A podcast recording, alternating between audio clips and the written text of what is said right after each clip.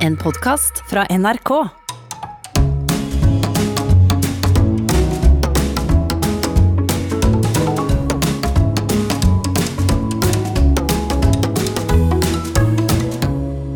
Hjertelig velkommen til Sånn er du her på NRK P2. I studio sitter vi, Nils Brenna. Ja. Jeg heter Harald Eia, og i dag skal vi studere personlighetstrekkene til forfatter og skribent Agnes Ravatn. Hei. Velkommen. Agnes, du, eh, du eh, gjør mange ting. Du er jo selvfølgelig forfatter. Eh, Mange kjenner romanen 'Fugletribunalet', som også ble teater, men har også skrevet andre romaner. I 2019 kom du med 'De sju dørene', og så skriver du 'Dag og tid'. Du har mottatt Språkprisen og journalistpriser og P2-lytternes romanpris. Og jeg har jo lest dine ting, og jeg kjenner deg litt. Du skriver morsomt.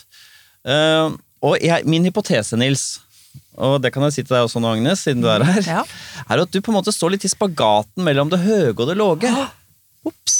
Hva betyr det, da? Det er min akilleshæl Nettopp. rett der. Eh, Det betyr at eh, på ene siden så tenker jeg at du har ambisjoner å være en ordentlig forfatter, noe du jo selvfølgelig også har oppfylt, du har skrevet ordentlige romaner.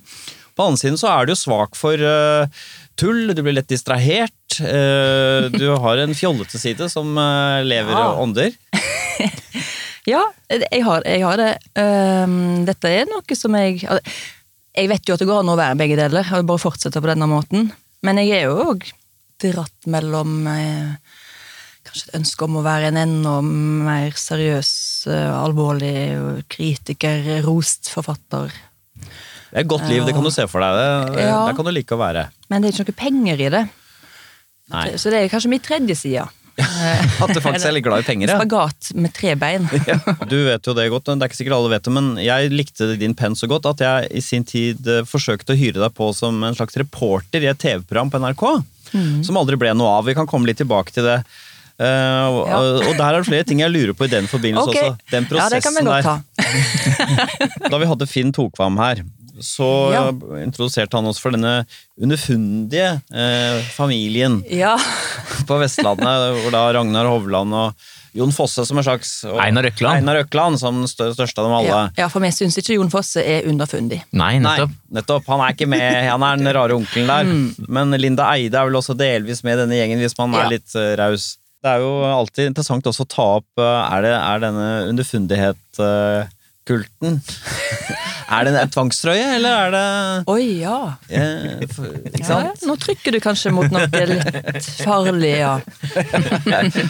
Jeg tror jeg er opptatt av å ikke framstå som for um, profesjonell eller vel til, eller tilpass på scenen. Det er jo en veldig viktig del av den vestlandske underfundighetskultusen, å være utilpass med å ha en posisjon. Så Ja, er jo ikke motsatt uh, hotellsjef uh, Petter Stordalen. Ja, det, som trives. det Han er jo vår rake motsetning, ja. Det er han. Finn Tokvam sa, Tokvam sa jo det, Nils, at Jon Fosse hadde gitt han et råd. At ingen syns det er noe sympatisk med folk som liker seg på scenen. Ja, det er litt ekkelt, tror du Ja, det? ekkelt. Ja. Så Det er flere grunner til at uh, i hvert fall jeg er interessert i deg. Det er denne at du dras mot det tullete, men også har en dybde i deg. da. Uh, Men også disse opplevelsene jeg hadde med deg uh, som din arbeidsgiver i sin tid, som jeg også har lyst til å finne litt mer ut av. Så la oss begynne, da. En ekte forfatter holder jo dommedag over seg selv, og da bør det jo være en del indre demoner som sliter og røsker i deg. Vi får se hvordan det er med Agnes Ravatn når vi ser på hennes score på nevrotisisme.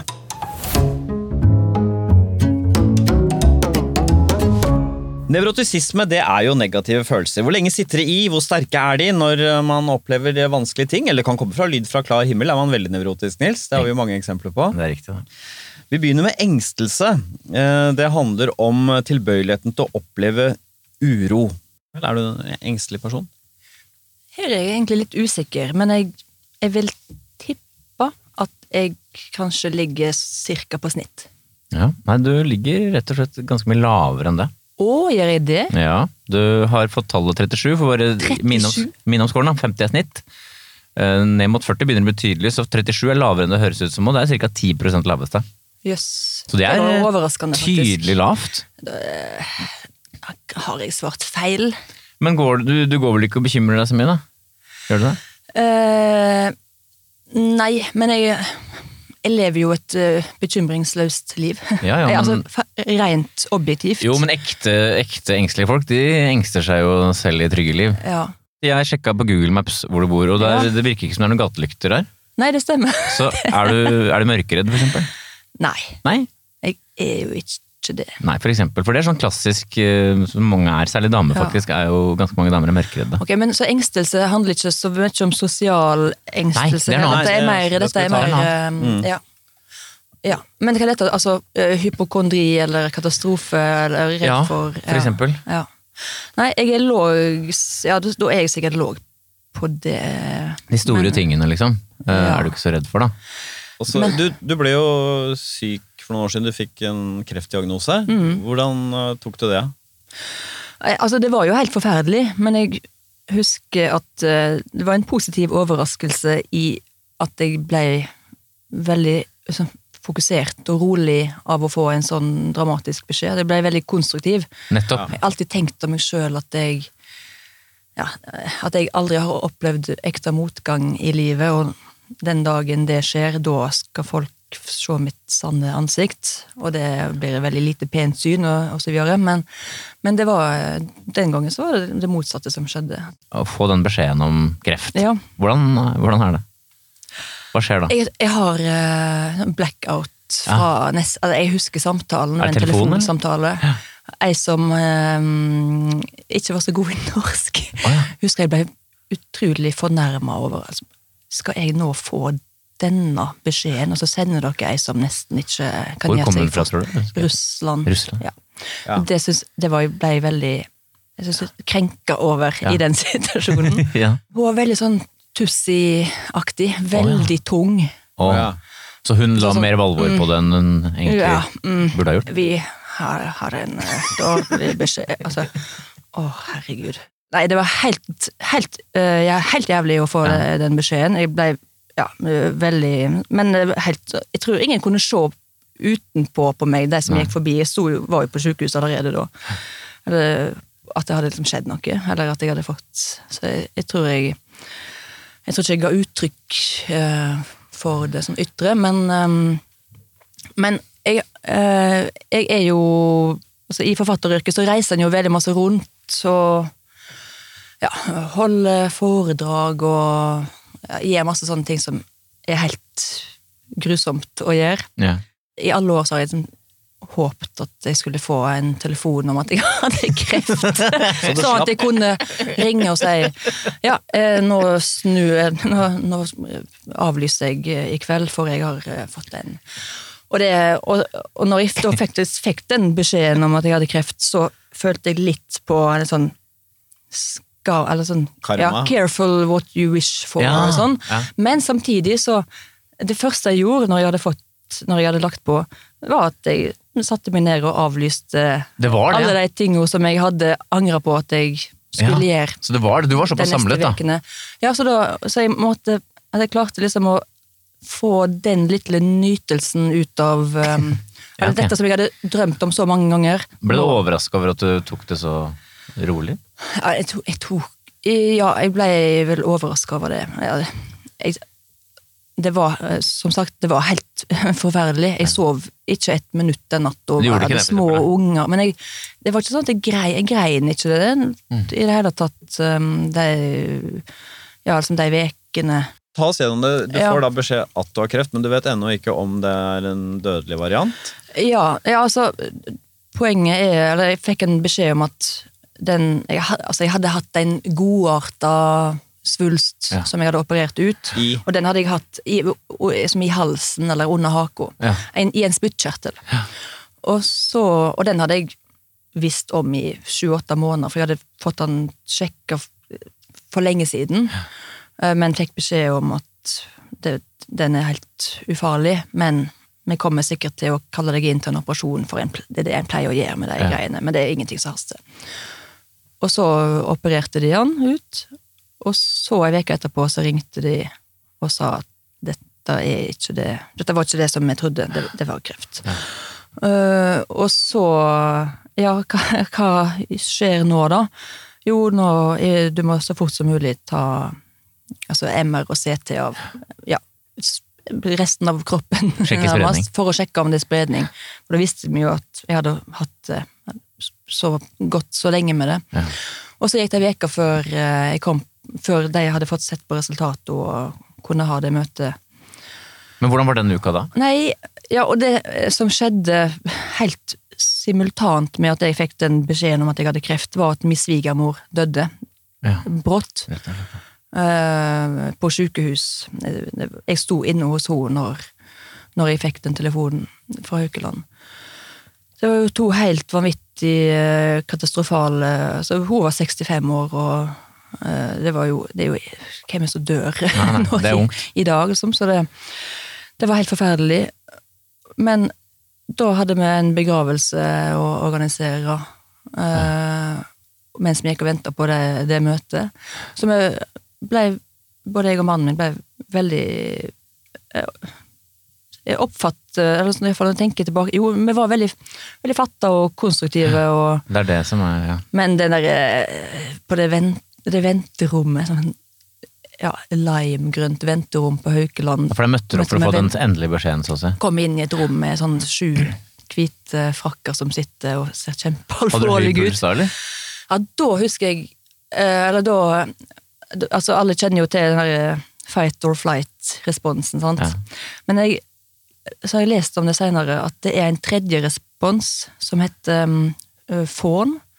Som er sånn overgivelse.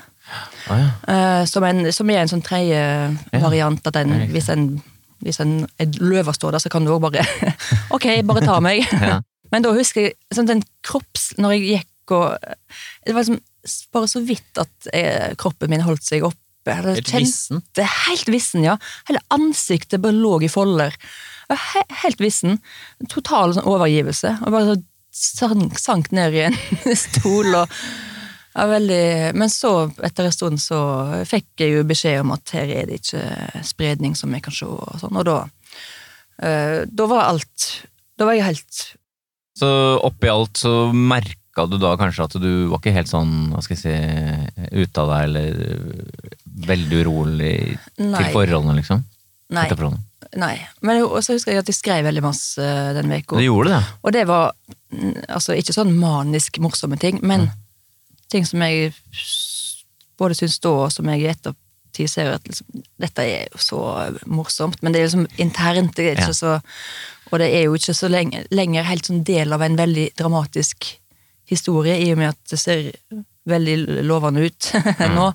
Så det, det er nok ikke noe jeg kommer til å bruke til noe, men bare det Jeg har jo alltid altså For de så få forfatterne som, som er morsomme, så får en jo ofte, eller tenker en jo ofte så sånn Ja ja, du er morsom, men er det noe mer Ja, her? Eller har, hva verdi har den humoren egentlig? ja. og sånn. Men det husker jeg så godt fra den perioden at den humoren var bare så et så utrolig sterkt signal om at til deg sjøl om at dette tåler du. Ikke sant? Det er det. Og det er en sånn øh, ja, veldig kraftfull manifestasjon av at det er noe sterkt i deg. Ikke Og sant? den slår ut i liksom vitsing om egen situasjon, og det, og det, som er sånn ja, vestlandsk sjølironisk altså, Som er super øh, overbevisende, da. Ja. veldig Og overraskende òg, eller? ja, det, jeg hadde ikke trodd eh, Jeg hadde nok ikke trodd at jeg men, og, og som sagt, det er ikke sånn krampeaktig Nei, ikke sant? Det er en slags balansert balansert Det er veldig sånn, ja. ja. Men uh, var du en samarbeidsvillig pasient, eller var du den vanskelige pasienten? En ekstremt samarbeidsvillig. Ja. Helt sjølutslettet. Altså, Hvordan er man da, liksom, helt konkret? så, så, sånn usannsynlig krypende. Hvordan er det? Ingenting er noe problem. Nei. Har ingen kritiske spørsmål. Ingen alt det Ja, ja, det går bra. Og tømmer selv og mat, rydder Ja, maten ut, gjør alt. Ja. uh, nei, uh, er vanvittig servil pasient. Og, eh, Fordi og har veldig lyst til å være en veldig flink eh, Altså, har lyst til å være sånn som legene snakker om seg imellom. Hvis, når de har møter og sånn, så Ja, hun som er nå dere, Merk dere hun på 402, for hun er et mm, ja, mønster. Altså, Ja, for jeg, Hun jeg, er helt super. jeg var forskningsassistenten til en sosiolog som gjorde et sånt uh, deltakende observasjonsarbeid på et sykehus på pasienter. Og da- Dag Album, eller? Ja, det er riktig. Ja. ja. Og han, eh, da var det liksom disse idealpasientene er de som går i treningstøy. Ja. liksom, jeg er innom her, jeg skal bare få litt behandling, og så skal jeg ut igjen. Mens uh, marerittpasientene er de som tar på seg pysj og nattkjole og legger seg ned. Nå skal de pleies. Ja.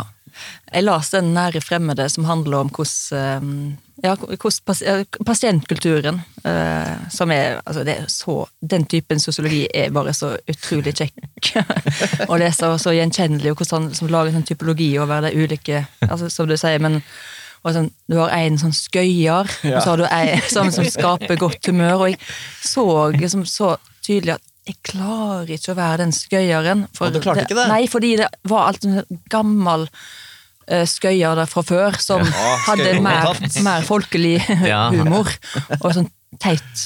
Og så klarte ikke jeg å Den underfundigheten som jeg jo Ja, for selskapet det skøyeren- passer ikke så godt. eh, subtil, kanskje? Eller? For subtilt Ja, for og for eh, som, Kanskje som litt for kritisk. At det er kritisk potensial.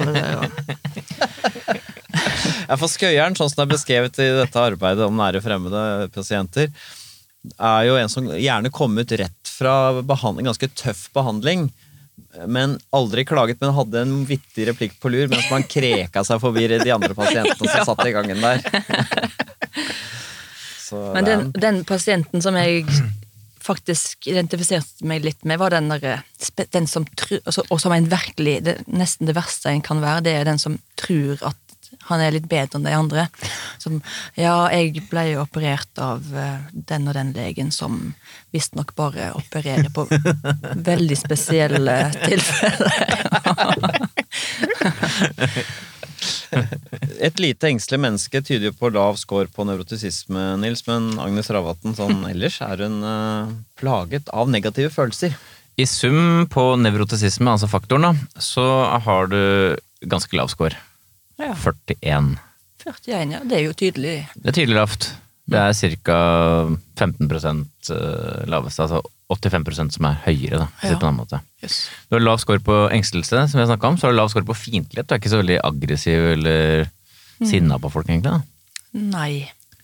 Så du har ikke, det, hvis noen, du, på noen bilder av deg så ser du ut som en sånn, litt sånn tøff og irritabel person, men det er du ikke. jeg, jeg tror det var litt sånn jeg ble framstilt uh, Ja. i min ungdom. At jeg skulle være nettopp en sånn litt sånn um, Ja. smutt, sur eh, vestlending Ja. som, eh, som mistrivdes i storbyen og ble forvirra av det og trikken. For det er det etterlatte inntrykket jeg har fra mediene, egentlig. Ja, det nei, det traff nok ikke så godt, men jeg spilte jo velvillig med, sikkert. Tilpasningsdyktig som det. Ja. ja. Og så er du, har du ganske lav score på depresjon. Du er ikke noe særlig tungsindig heller. Nei. Denne vestlandske tungsinnet har du ikke noe særlig da. Nei, jeg har nok dessverre ikke det. Nei. Du legger på dessverre, ja. Ja. Ja, for er det en del av underfundigheten å ha litt sånn tungsinn? Eller? Nei, ja, det, Et- det å være forfatter, Ja. det er jo å øse av det, det, det store reservoar, dype reservoar av eh, melankoli. Mm. Og det Jeg tror kanskje jeg har vokst av meg en del. Jeg kjenner meg igjen i mye altså I 20-åra så var jeg mer, veldig mye mer sånn eksistensiell. Ja, At, um, eh, og det, men det er jo en fase som eh, skal være sånn, og som en faktisk kanskje skal vokse Mm, av seg. jeg tror det. Du har én høy score som er på en måte Vi snakker om forfattere bør ha et reservoar av melankoli og negative følelser og, og øse av. Men du har én eh, som er litt på en måte den minst kunstnerisk interessante nevrotiske scoren, og det er at du scorer høyt på impulsivitet. At du har problemer med å Ja. gi etter for uh, lyster og behov. ja. Altså, Du er ikke Ja, sånn kjempehøy, men du er ganske høy, da. Så det Jeg, må, jeg vil jo tro at jeg er veldig øh, Ville trodd jeg var helt altså høyest. Nei, det er du ikke. Men du har en tydelig nok score til at vi trekker den som høy. Ja. ja, takk. du er i et, du er i et nøkternt miljø, og der er du en slags fråtser. eh, og en, en lett, så lett distrahert. da. Hva er det du liker å ta inn? Nei, altså det, det, det er jo alt. Eh, distraksjoner eller eh, Mat, drikke. Ja, ma, eh, ja, søtsaker. Ja. Altså alt en måtte ha til, det en måtte ha tilgjengelig. Ja. Jeg, er nest, jeg er sånn som kan spise som tørre spagetti eh, Ja, ja. i skuffen. For det blir søtt til slutt når du det blir, Du kan dyppe det i kakaopulver. så jeg, altså, sånne Ja. sigaretter og alkohol og sånn, når jeg først altså, jeg, jeg røyker Det er veldig veldig sjelden jeg røyker nå. Det nesten, skjer nesten aldri. Men jeg har altså begynt å festsnuse, for eksempel. Ja. da kan, da kan jeg sitte med to. Ja. Sånn. Mens neste dag så er det ikke noe. Så det er vel altså Jeg, jeg tror jeg um, Det skal noe til for at jeg blir avhengig av ting, Ja. faktisk. Men men, jeg, men jeg nyter, altså, det som er der, det vil jeg ha. Jeg vil ha alt som er tilgjengelig. Men jeg er ganske god på å øh, tilrettelegge miljøet mitt for å Altså, jeg, jeg skjermer meg for fristelsene. Ja. Det gjør jeg. Det Du kjøper ikke jeg og Jeg kjøper så godt som aldri sjokolade. Nei, ikke sant? For du kan ikke la den ligge i skapet. Nei, nei. Nei. Jeg kan, kan ikke det. Nei, Og og jeg, jeg spiser ungene sitt godteri som de har fått Ja. til bursdagen. Ja, det- de gjør det, de gjør det. eller- Ja, For de lar det ofte ligge, ungene. Ja. Ja, eller, eller vi tar det, for at de kan ikke få alt nå, og så eter vi det på kvelden. Altså, gjør når det. de har lagt seg, ja. Og så kan jeg bare legge til at um, den siste fasetten som du er på snitt på, det er uh, Mhm. selvbevissthet som handler om uh, sosial Er jeg på snitt? angst. Ja, jeg du trodde at jeg var på- høyere. Ja, du trodde at du var at, Eller du mener sjøl at du er en som gruer deg litt når du møter folk og Ja, Jeg vet at jeg er veldig selvbevisst. Ja, men, det, Ja. det, men jeg i selvbevissthet er litt dårlig ord her, fordi man kan få litt andre tanker om hva det er når man sier at det er selvbevissthet. Fordi selvbevissthet er å se seg selv utenifra. Ja, men det gjør jeg. Ja, men det, det kan jeg gjøre, men det er, ikke- det er ikke nødvendigvis plagsomt at man Nei. gjør det. Det er den plagsomme delen av det. Kanskje mer sånn interessant. Og Ja. se, der går hun. Ja, eh, ja men det er, det er det, sånn tenker jeg. Så derfor er det ordet litt forvirrende. ja. Ja, For du bekymrer deg vel ikke veldig over hva folk må ha ment om deg når du forlater en gjeng med folk, eller? Nei, det gjør jeg ikke. For eksempel ikke. Så i den grad du eh, på en måte strever litt med å eh, bli en seriøs forfatter, så vil jo det Mm. den litt lavere nevrotisismescoren din eh, Stikker et lite problem. Det, ja. Eh, hvis vi skal følge denne klisjeen om riktig, den plaget forfatter. Da. Men fra hodet så vil jeg si at eh, det fins forfattere som vi har hatt som har lav score på nevrotisme. Det er Anne B. Ragde, eksempel. Ja, og hun har også høy score på det neste trekket vi skal gå inn på, nemlig ekstroversjon. Og det er jo Igjen så kolliderer jo det litt med forfatterrollen å være en uplaget, festglad skravlekopp. Det er jo ikke det eh, Ragnar Hovland Jon Fosse vil at det skal være. Så får vi se da, Agnes, hvordan eh, du er. Er du en ekstrovert, eller er du en introvert? Ekstroversjon, det er jo ikke definert eh, i vårt system, Nils, som å være utadvendt, egentlig. Men eh, det handler om hvor mye kick, glede man får av ting, men også hvor mye man utstråler av. Det er den utadvendte delen av det. Ikke sant? Så det rommer utadvendthet, blant annet. Og vi begynner med den underdimensjonen som heter positive følelser. Det, det handler om rett og slett eh, hvor intenst man eh, føler på og uttrykker glede. Ja, Entusiasme og liksom piff og kullsyre, så å si. Så folk som scorer lavt, de eh, oppfattes da som litt sånn eh, litt flatere, mens de som scorer høyt, de er jo blir beskrevet som eh, de er sprudlende, de har en smittende entusiasme. Hva tenker Ja. du om det? Jeg vil jo synes at jeg er låg. Det er riktig, det kan du trygt uh, oh, ja, så, så, så låg. 33. Eh, Ok. og høy latter til være så lav. Ja. Og så er det sjelden folk ler av tall. ja, men det, er- det er Sånn sant. matematikervits. Hvordan høres en som har lav score uh, ut når mann, eller du da, er glad? uh, nei, jeg tror jeg, altså, jeg vet jo at jeg ikke gir uh, noe sånn ytre uttrykk for ting, eh, gode ting som skjer når, eh, når det skjer. Ja. Har du, har du vært Eh. etterspurt, holdt jeg på å si? Nei, Og jeg, glede, altså, hvis jeg er i lag med folk, så tilpasser jeg meg jo selvsagt. Ja. Det er at jeg ikke er helt Hvis noen sier ja eh, jeg er gravid, altså, som noe som de har ønsket veldig lenge, så gir jeg jo selvfølgelig veldig sterkt Ja. uttrykk for glede på deres vegne. Men Men for eksempel sånn uh, vanskelig å komme på liksom, gode ting som skjer i mitt liv. Men det, men nynorskpris, for eksempel. Ja, sånn, ja nettopp. For jeg, hvis jeg um, uh, Sånne beskjeder får en jo ofte på, bare på e-post, eller på altså I beste fall i, for, uh, i telefon, men, ehm, men hvis jeg Så jeg sitter jo gjerne av og til og sjekker e-post, og så har jeg fått en e-post om at jeg har fått en pris, eller at jeg har har blitt solgt til et nytt land, eller et eller annet Ja. sånt. Noen vil ha rettighetene og sånn. Som er liksom noe av det absolutt beste en kan oppleve. Eh, og da er det helt Ingen puls. Nei, det, det er bare mm. Bra.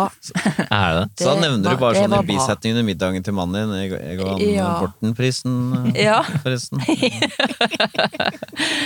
Ja, det er den eh, vi vil ha, alle. Som, Alle er Borten-prisen. Er det noe som heter det? Jeg bare ser det for Nei. meg. Eh, men Ja, og det er sånn som jeg kan nevne ja, noen dager etterpå. Som du sier, da. Hvis du har en venninne som er gravid, og så Ja. spiller du ut det, men du føler egentlig ikke så mye glede, da. Det er det som er poenget. Du blir ikke sånn glad Um, jeg eh, Litt glad. Ja, med streken litt, da. Og, men jeg tror, jeg, jeg tror det jeg ofte tenker er hvordan kan dette tjene meg? Du er raskt ute med det. ja, ganske kjapt. Kan jeg få sånn. solgt mine gamle babyklær til uh, Ja, nettopp. Det, da kan vi bli kvitt kvitt den vogna. Ja. Men for, tenker folk på deg som mutt, eller? nå, nå er jeg jo eh, Nå bor jeg jo på Vestlandet, i Ja. ei bygd der, der um, alle er mutte. Ja. Sånn no, normalt eh, mutte. Ja. Det kan, kan innbille meg at jeg kanskje er en liten fargeklatt. ja. Mm. Men på grunn av humøret, eller? Eh, ja. ja. Er det sånn i kiosken, eller er det, dag, Jo, er det sånn butikk? jeg kan gå inn og, og, og nesten ja, jords litt på å bryte ja, nei, altså det er jo masse småprat og Ja. koselig, god stemning, men jeg, når jeg kommer inn i butikken, så er jeg sånn hei, hei, så er jeg Ja. på ekte. Å, altså. Også faktisk, kanskje, altså, nedleggingstrua butikk, og de trenger at det er litt positive følelser i Men kunne, kunne du gått inn i en butikk i Oslo og sagt på den måten? Nei. Nei, hvorfor ikke? Nei, hvem gjør det? Altså, går inn på Lindex og kjøper strømpebukser, altså. Raring. Jo, ja, det Ja, for det er en hyllest til liksom, men, lokalsamfunnet. men på, sånn som på før, når jeg bodde i Oslo, så hadde jeg en kiosk i, i, i bygget. Ja. Og der, da får en jo en sånn 'god morgen'. Ja. Eh, ja, altså, altså jeg, er jo, jeg er jo sosialt eh, Jeg er jo ja. Jeg spiller jo som den kunden som blir kunden i en butikk, Ja. gjerne. Men du har, jo, du har jo sosiale evner, holdt jeg på å si, så du vet jo liksom hvordan du skal være. Men Mm. dypest sett så har du ikke sånn veldig mye begeistring og glede, da. Nei, jeg har vel ikke det. Er det sånn som eh, Vi hadde Torbjørn Risaksen her en gang som sa at han Mm. Hvis du er slitsomt med sånne landsmøter hvor folk er så oppe. Han har aldri hatt hendene over hodet, f.eks. Har du det? Nei, det kan jeg ikke tro at jeg har. Du skulle ønske du hadde Åh, mer jeg disse- nei, jeg har sånn livsglede? Mm, Nei, altså jeg, jeg har jo livsglede, men Ja. jeg, jeg, tror ikke jeg eh, Jeg klarer ikke å innbille meg hvordan folk som har den Altså sånn Syns du det er Wow, slitsomt var det- med sånne folk som er, er sprudlende, eller syns du det er gøy Nei, å være det, sammen? nei, det, det kan Altså, hvis de er eh, sli, Altså, hvis de er veldig sånn eh, Altså hvis de er usympatiske og veldig sprudlende, så er, kan det jo være litt s- s- Jo, men hvis de er usympatiske, men, Men- stille, det er også ille, kanskje? ja, det, ja, det er det. Ja. Nei, jeg tror jeg syns det er litt, for, litt forfriskende, kanskje. Ja. Men så blir jeg sikkert ekstra mutt eh, ved siden av. Men nei, jeg, jeg, altså, jeg syns det Jeg, Jeg syns det er kjekt med, med positive folk, Ja. Ja. faktisk. Ja, det er ikke Det, og det skammer meg òg litt for. Altså, Ja, det fordi, Ref, den underfundighetsklubben. ja, fordi kritisk slash negative er- henger høyere. Ja. Det gjør jo det.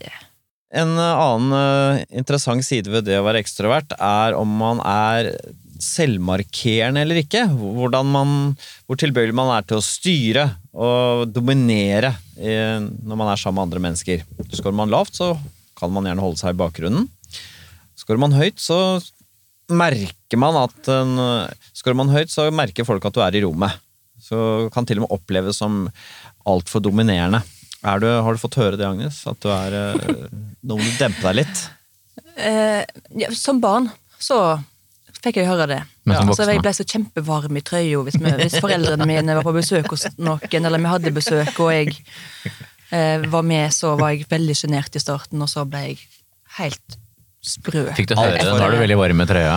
Ja, eller jeg fikk ikke høre Mor mi avtalte, eller lagde et tegn som hun ga meg. Var det sånn? Som var Nei, det var Uh, Hun starta med fingeren på nesen, og så la stor spiss ut og tilbake til haken, som skulle bety at nå er du nebbete. Tegne et stort nebb ut i rommet. Men så sendte meg et uh, Men det var jo så lite diskré. Veldig var sånn- lite diskré, for elendig tegn.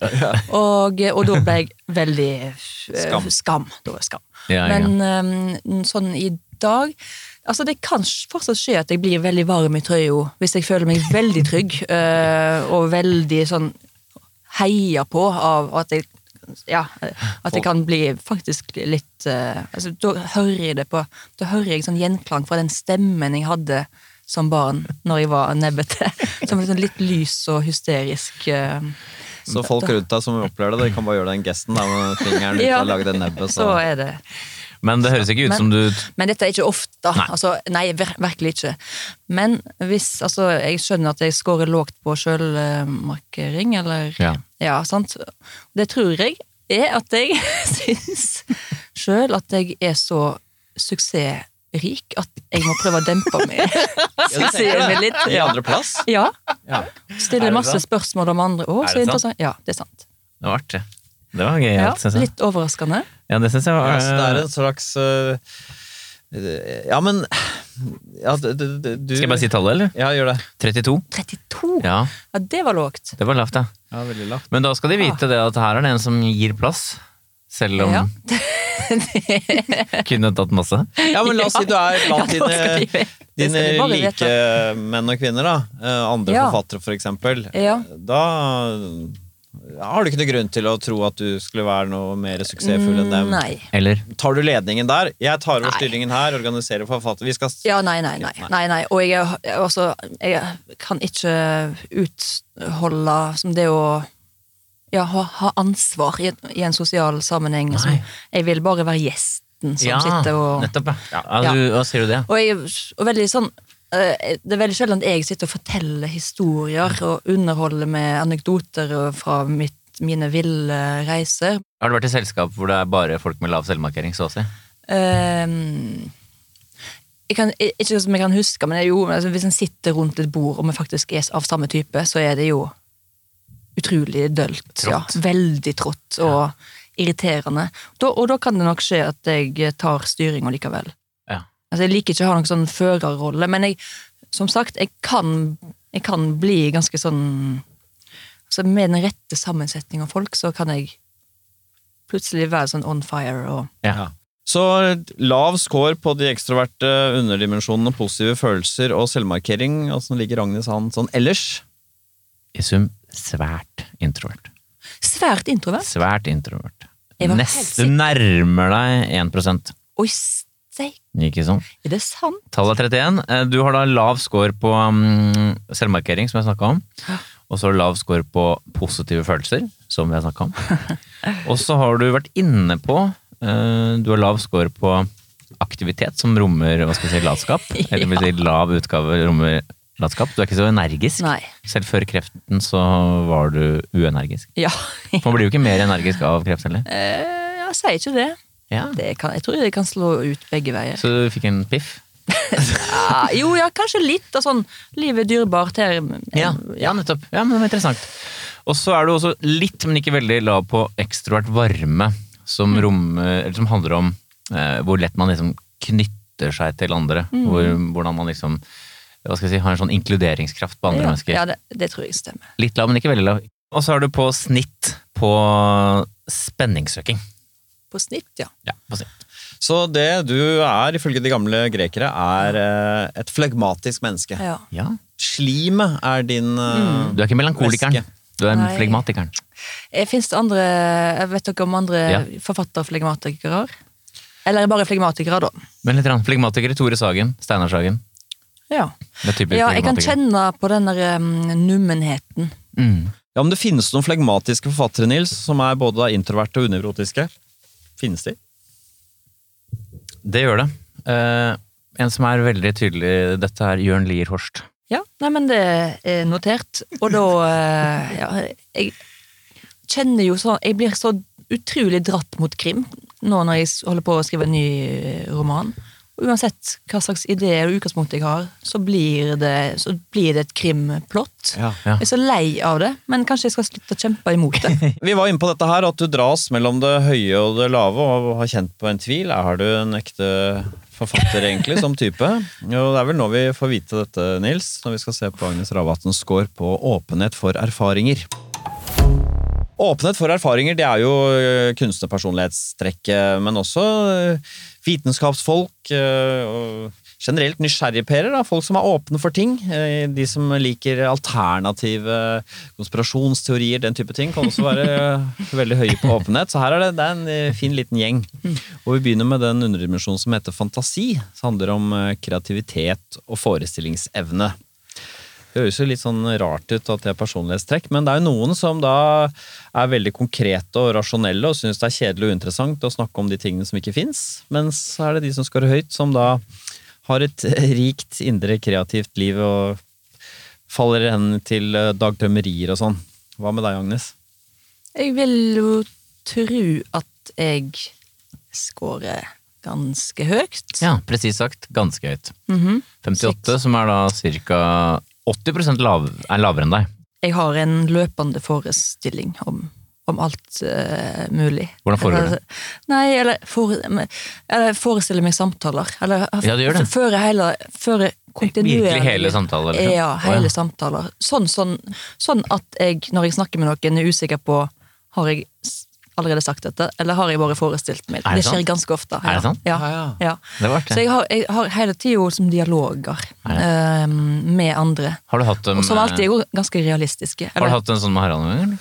Ja, altså jeg har jo hatt det, altså Denne innspillinga har jeg hatt i flere dager. Ja, du har det. Ja. Så du har sett for deg liksom, eller hørt for deg, eller sett for deg spørsmålene og Eh, hva du skulle svare ja, på det, og, ja, ja. og hvordan oppfølgingsspørsmålene blir. Og... Ja, Det er nesten du kan si som jeg tidligere var inne på. ja, ja, det er, ja faktisk. Husker du noe konkret, eller?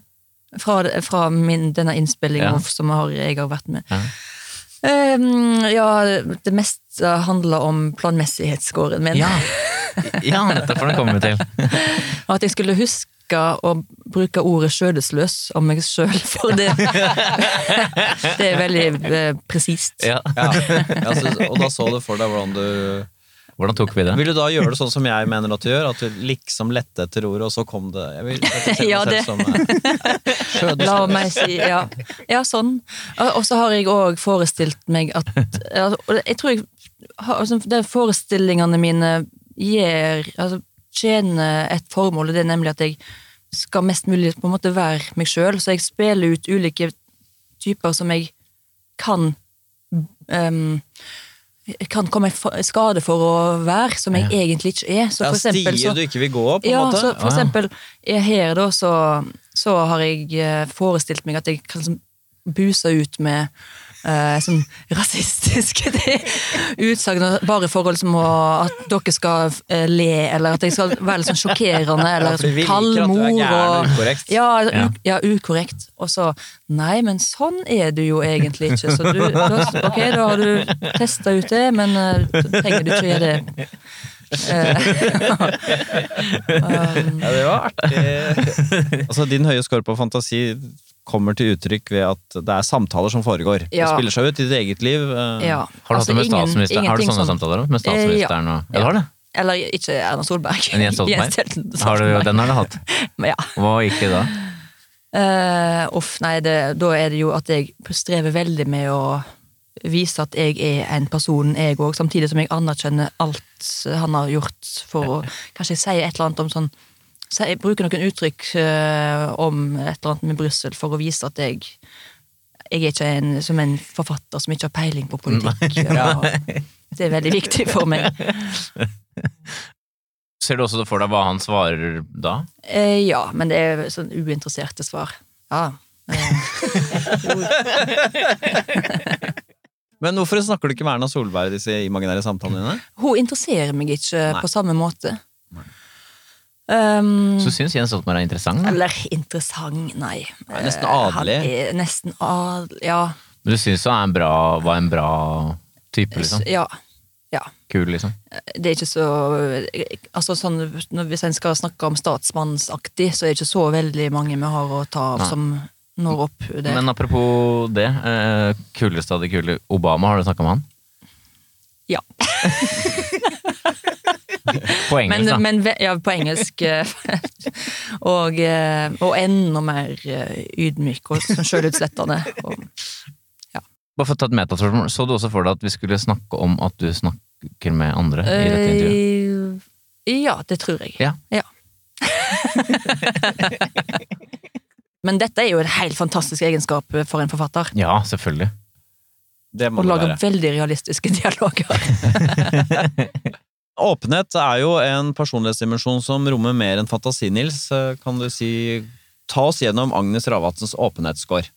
I sum så er du touch av høy på åpenhet, 55. Eh, Du er litt lav på det som heter åpenhet for handlinger, det vil si at du er er hang til rutiner.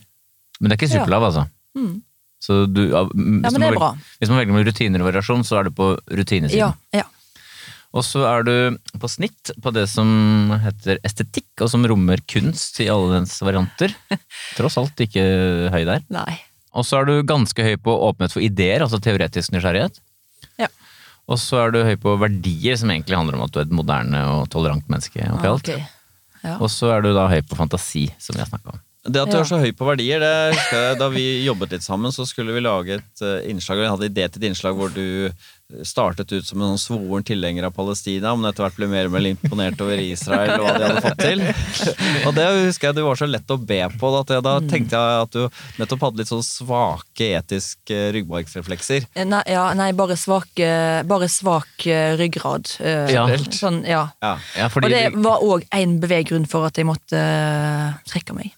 Fordi jeg, jeg merker at uh, jeg kan nå, Altså, nå skal jeg på TV, uh, og jeg kan si hva som helst, bare for å komme, Bare for å kunne gå hjem uh, om kvelden. Uh, Ja, for å miste, Et- du mistet liksom deg sjøl. Meg selv, ja. ja, For du hadde ikke noe sånn, du hadde ikke noe sånn skikkelig peilepinne, eller hva det er for noe? Det, det, jo, altså, kompasset jeg, ditt. jeg har jo et eh, politisk, uh, skråstrek, etisk, moralsk eh, kompass som jeg vet Ja. veldig godt Ja. hvor står, men eh, når det kolliderte med et, sånn- et arbeid som jeg skulle gjøre, der jeg var, hadde veldig låg sjøltillit på at jeg faktisk kom til å Ja. klare å gjøre det, så, så merker jeg at jeg er såpass øh, jeg, altså, jeg kan òg være litt sånn lett å øh, l- Ikke lett Be. å lede, eller Jeg vet ikke helt hva som er rette uttrykket, men jeg, jeg kan komme til å uh, tilsynelatende står for ting som jeg ikke i det hele tatt står for. Men apropos det å stå i spenn, så er det jo interessant at du, du er en sånn type at du vet hva som er rett, men samtidig har du også ganske lett for ikke å gjøre det rette. Det er jo det du sier. Ja. Og det blir jo på en måte verre enn for en som bare har lett for å gjøre gærne Ja. ting, men som ikke er så opptatt av hva som er rett. Ja, jeg er enig i det. Agnes, du har jo denne Sånn som jeg kjenner deg, og de tingene jeg har lest av deg, så har du et blikk på verden som eh, på en måte er kynikerens blikk. Du er god til å se svakheten ved deg selv, selvfølgelig, men også ved andre. Det er jo det som mange kaller denne trollsplinten i øyet, som noen mennesker har. da. Og vi skal se om det viser seg også i din score på neste personlighetstrekk medmenneskelighet.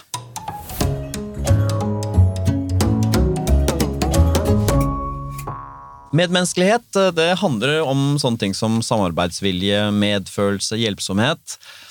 Eh, engelskmenn kaller det agreeableness, Nils, Mm. og det oversettes ofte med medgjørlighet. Det handler jo om om i møte med andre mennesker er det åpne armer, er det, eller er det friksjon, piggene ute? Og vi begynner med det som heter altruisme, i hvilken grad man viser genuin omsorg for andre.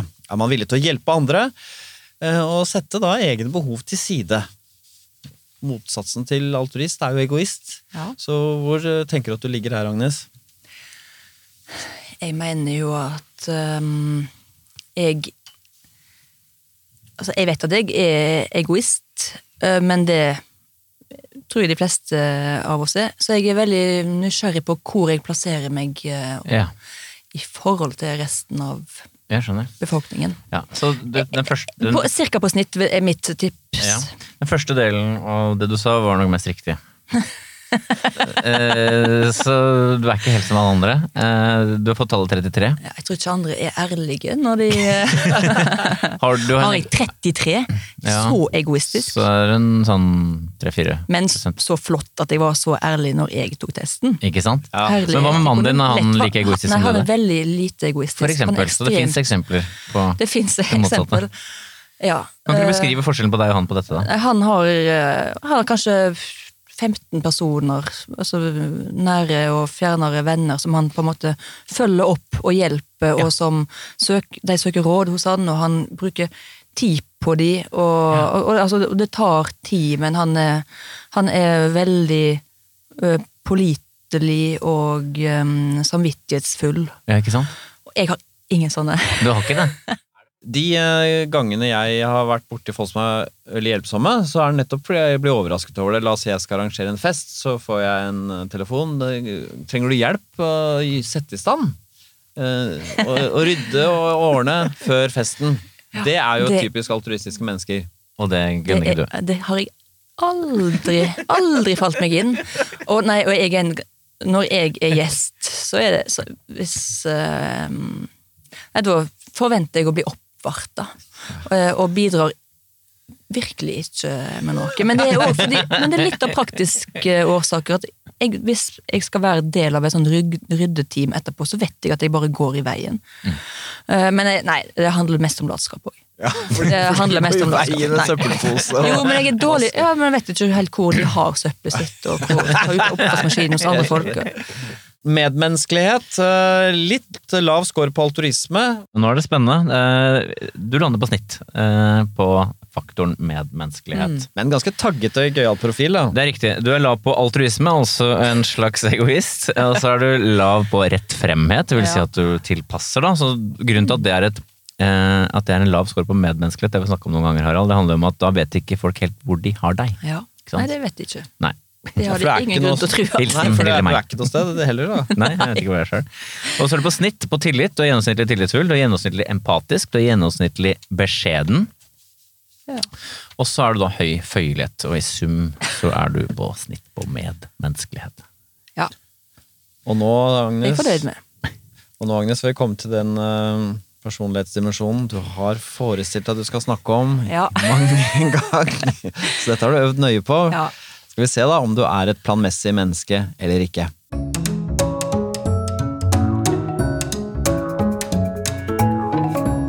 Planmessighet det handler om eh, struktur og orden. Det er jo, sånn som vi tenker på det, Nils, evnen til å stå i det kjedelige.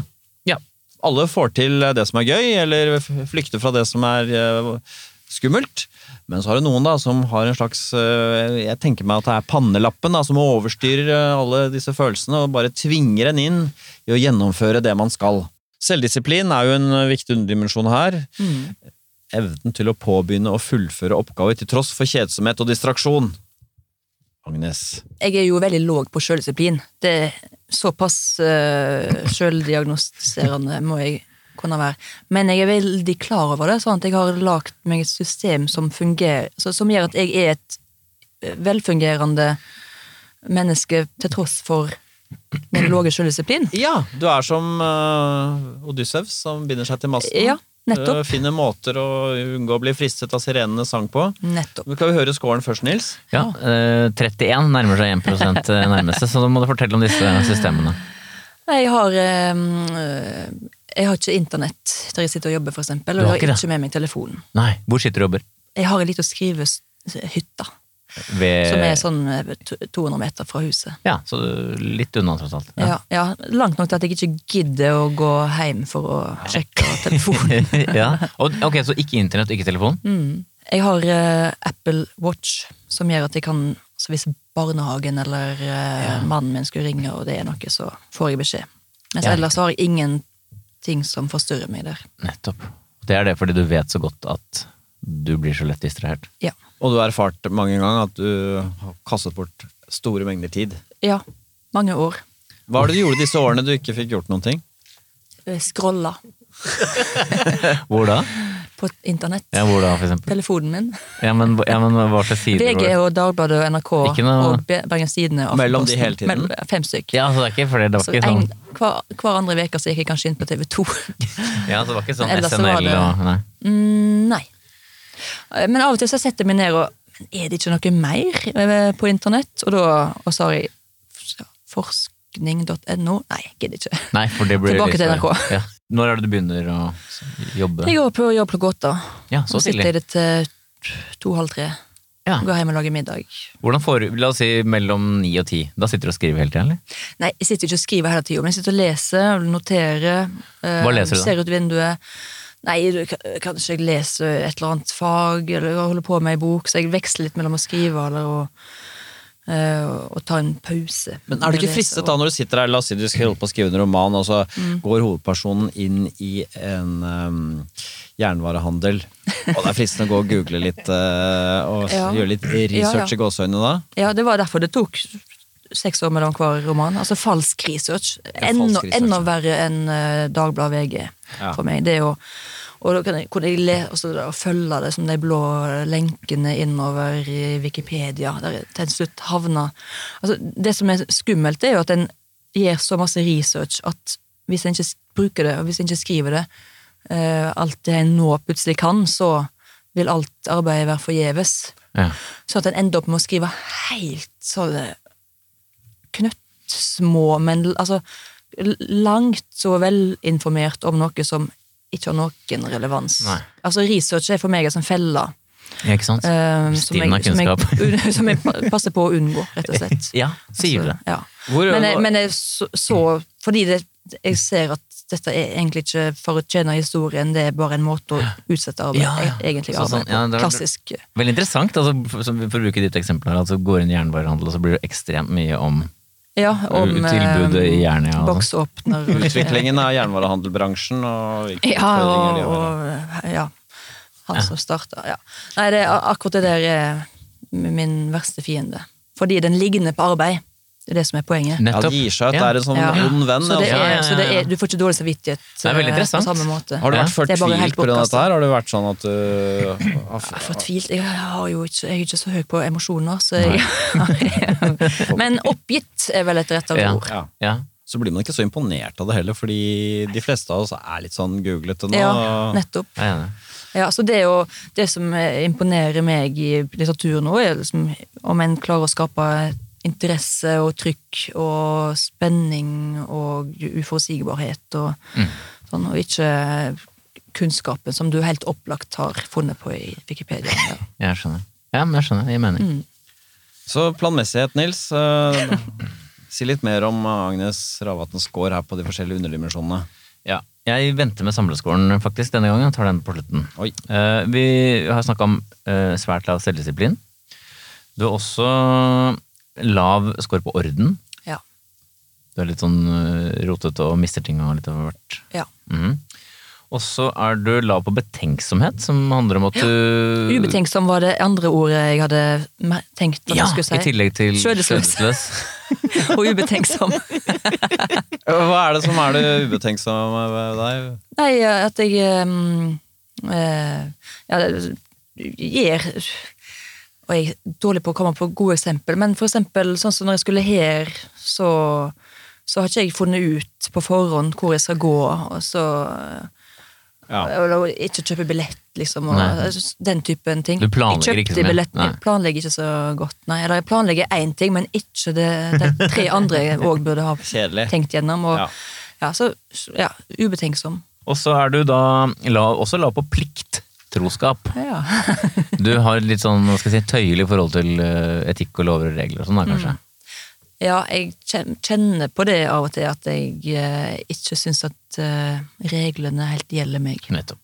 Det eneste ikke-lav scoren du har på planmessighet, er prestasjonsdrevet som rommer ambisiøsitet. Der er du på snitt. Ja. Så du er ikke, er der er du ikke spesielt lav, i hvert fall. Nei. Og så lovte jeg dere å si samlescoren på planmessighet, og den er 28. jeg trodde nesten ikke det gikk an å få lavere enn 30. Det går an å få 20, men nå er du innenfor 1 laveste. Så du er er på trygg, lav grunn. Yes. Ja, det, jeg bør, jeg, altså, det er jo helt uh, ekstremt. Vi kunne jo jobbet i en vanlig bedrift.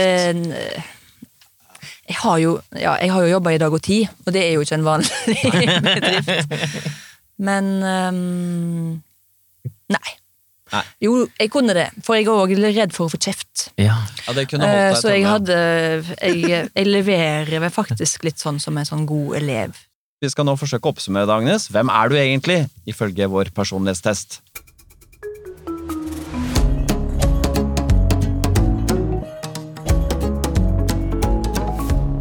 Vi startet ut med å stille dette spørsmålet om du var en sann forfattertype, og du var jo litt bekymret selv også. Øh, Men vi er vel enige i at det fins ikke noen sånn personlighetstype som egner seg spesielt godt til å skrive gode romaner. Ikke som vi vet om, i hvert fall.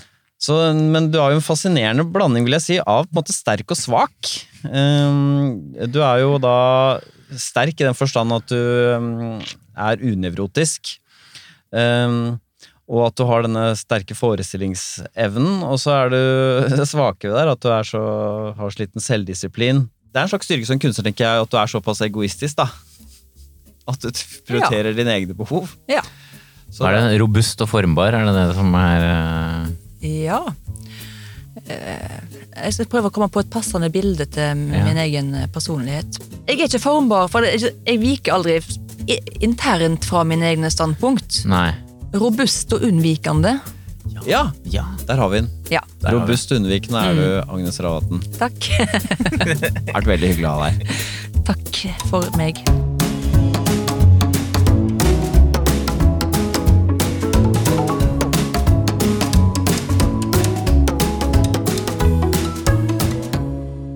Du har hørt en podkast fra NRK. Hør flere podkaster og din NRK-kanal i appen NRK Radio. Hei! Anne Dorte i P3 Dokumentar her. Jeg har laga podkast-dokumentarserien En helt vanlig familie. For det var det de så ut som, familien til Ingvild. En vellykka og vanlig familie. Men Ingvild grua seg alltid til helgene, for da var de som familie sammen. Og det ble nesten alltid ubehagelig. Var det sånn hjemme hos de andre i klassen også? At pappaen slo mammaen? Hva får en mann til å slå? Og hvorfor blir en mor i et sånt ekteskap? Nå som Ingvild er voksen, ønsker hun å konfrontere foreldrene sine med volden de aldri har snakka om. Hør En helt vanlig familie i appen NRK Radio.